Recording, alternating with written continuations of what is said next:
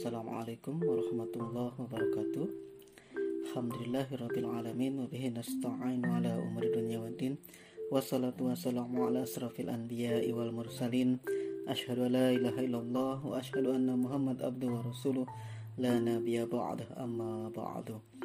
Alhamdulillah jumpa lagi di podcast di Bertutur Jujur. Mudah-mudahan kita semua tetap diberkahi oleh Allah Subhanahu wa taala sehingga sampai pada detik ini kita bisa menikmati karunia-Nya dan semoga kita bisa tetap bersyukur terhadap apa yang sudah diberikan oleh Allah Subhanahu wa taala untuk kita semua. Baik pada kesempatan kali ini saya ingin menyampaikan atau ngobrol-ngobrol sedikit sharing tentang mengapa kita harus belajar. Ya, memang belajar itu adalah bagian dari upaya kita untuk mengetahui sesuatu atau untuk e, mengupgrade apa yang sudah kita punya, apa yang sudah kita pelajari, apa yang sudah kita kuasai itu di-upgrade. Jadi belajar ada tahapan-tahapannya. Dalam ilmu pendidikan ada istilah e, manfaat dari belajar ya. Jadi manfaat dari belajar yang pertama itu adalah Eh, aspek kognitif ya. Aspek kognitif itu apa? Yakni ilmu pengetahuan. Tadinya tidak tahu menjadi tahu. Kemudian yang kedua ada aspek afektif atau istilah lainnya e, terkait dengan perasaan ya atau emosi ya atau sesuatu yang sifatnya e, ya memang seperti contoh misalnya tadinya tidak mau jadi mau misalnya gitu ya. Kalau belajar kan e, awalnya nggak mau tapi setelah diberikan pemahaman diberikan pembahasan diberikan pengertian-pengertian akhirnya dia mau. Nah itu e, ada aspek afektifnya. E, tadinya suka jadi tidak suka tadinya takut jadi berani misalnya kan ya. Atau sebaliknya ya tadinya suka jadi tidak suka gitu ya atau tadinya berani jadi takut tergantung konteks yang dibahasnya ya.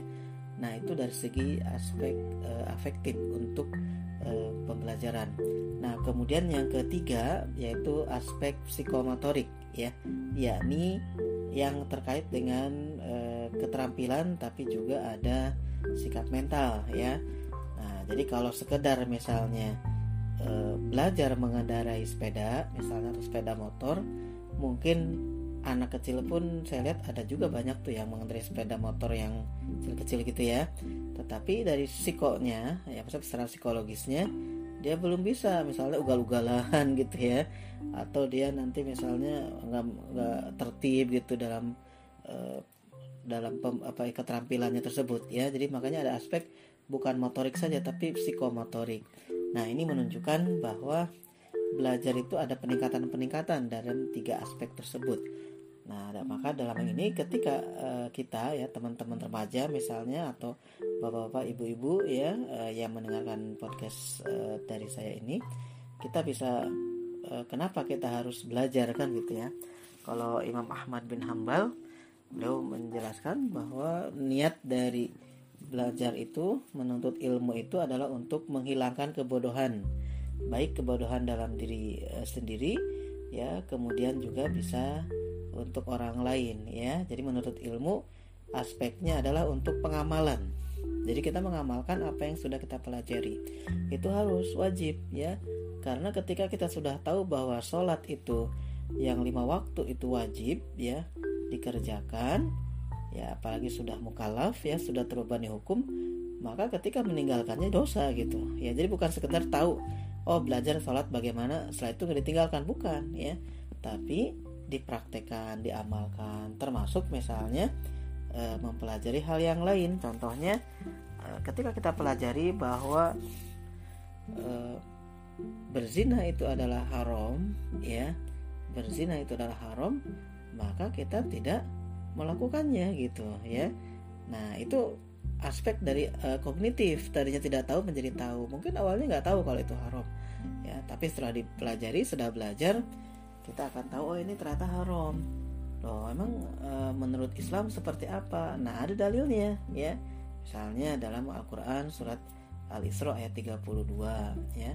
Wala taqrabuz zina innahu kana fahisyata wa sabila ya dan janganlah kalian mendekati zina karena zina itu adalah suatu perbuatan yang tercela dan jalan yang buruk. Nah ini menunjukkan bahwa ada zam ada larangan ya. Ada celaan di situ e, mendekatinya saja tidak boleh apalagi melakukannya gitu ya. Nah berarti setelah tahu maka dia harus betul-betul memperhatikan apa yang sudah diketahuinya dan mengamalkan dalam pengertian kalau itu adalah perintah maka dia akan melaksanakannya. Kalau itu larangan dia akan meninggalkannya. Nah itu ya. Kemudian kalau dari aspek afektif tadi misalnya oh saya tidak mau makan sayur misalnya gitu ya untuk contoh yang lain. Ini dari segi afektif. Oh tidak mau. Tapi setelah diberikan informasi diberikan hal-hal yang membuat dia paham tentang kesehatan dan sebagainya dia mau gitu ya. Nah awalnya dia takut melewati sebuah tempat yang gelap ya pohon bambu dan sebagainya karena dia khawatir macam-macam ada orang jahat atau mungkin ada uh, ya ketakutan dengan makhluk lain misalnya. Nah tapi setelah diberitahu tentang bagaimana kita berdoa melewati suatu tempat yang baru kita lewati misalnya gitu ya. A'udzu bikalimatillahi tammat min syarri ma khalaq. Nah, jadi aku berlindung kepada kalimat pada Allah Subhanahu wa taala ya dengan uh, dari makhluk yang diciptakannya keburukan makhluk yang diciptakannya. Jadi kita bisa uh, melakukan itu berdoa ya. Kemudian apalagi? Kemudian kita bisa mem, uh, tadinya tidak mau menjadi mau kan gitu ya eh, tadinya tidak tid, tadinya berani eh, tadinya takut menjadi berani gitu ya nah begitupun dalam aspek psikomotorik yang tadinya misalnya dia ugal-ugalan ketika naik sepeda motor misal gitu ya ugal-ugalan. Nah ketika tahu bahwa keterampilan itu bukan untuk e, sembarangan digunakan apalagi itu menyangkut Eh, ketertiban umum ya maka dia hati-hati. Nah itu aspek itulah yang harus dipelajari. Jangan sembarangan misalnya belok tanpa pakai lampu sen kecepatan tinggi gitu kan ya. Nah ini kan membahayakan orang lain juga membahayakan dirinya. Nah begitupun misalnya kalau kita menggunakan teknologi e, handphone misalnya ya. Nah handphonenya itu e, mau di apa ya dipakai untuk kebaikan atau keburukan gitu kan tergantung. Kalau orang yang e, ber, apa ya, berorientasinya itu untuk kebaikan, kemaslahatan, tentu dia akan menggunakan handphone itu untuk kebaikan, ya bukan untuk kejahatan.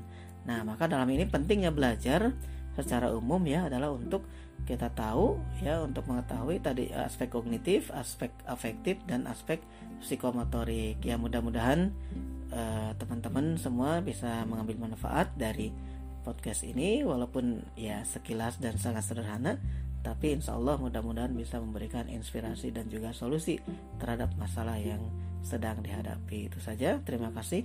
Bila itu walidaya wassalamualaikum warahmatullahi wabarakatuh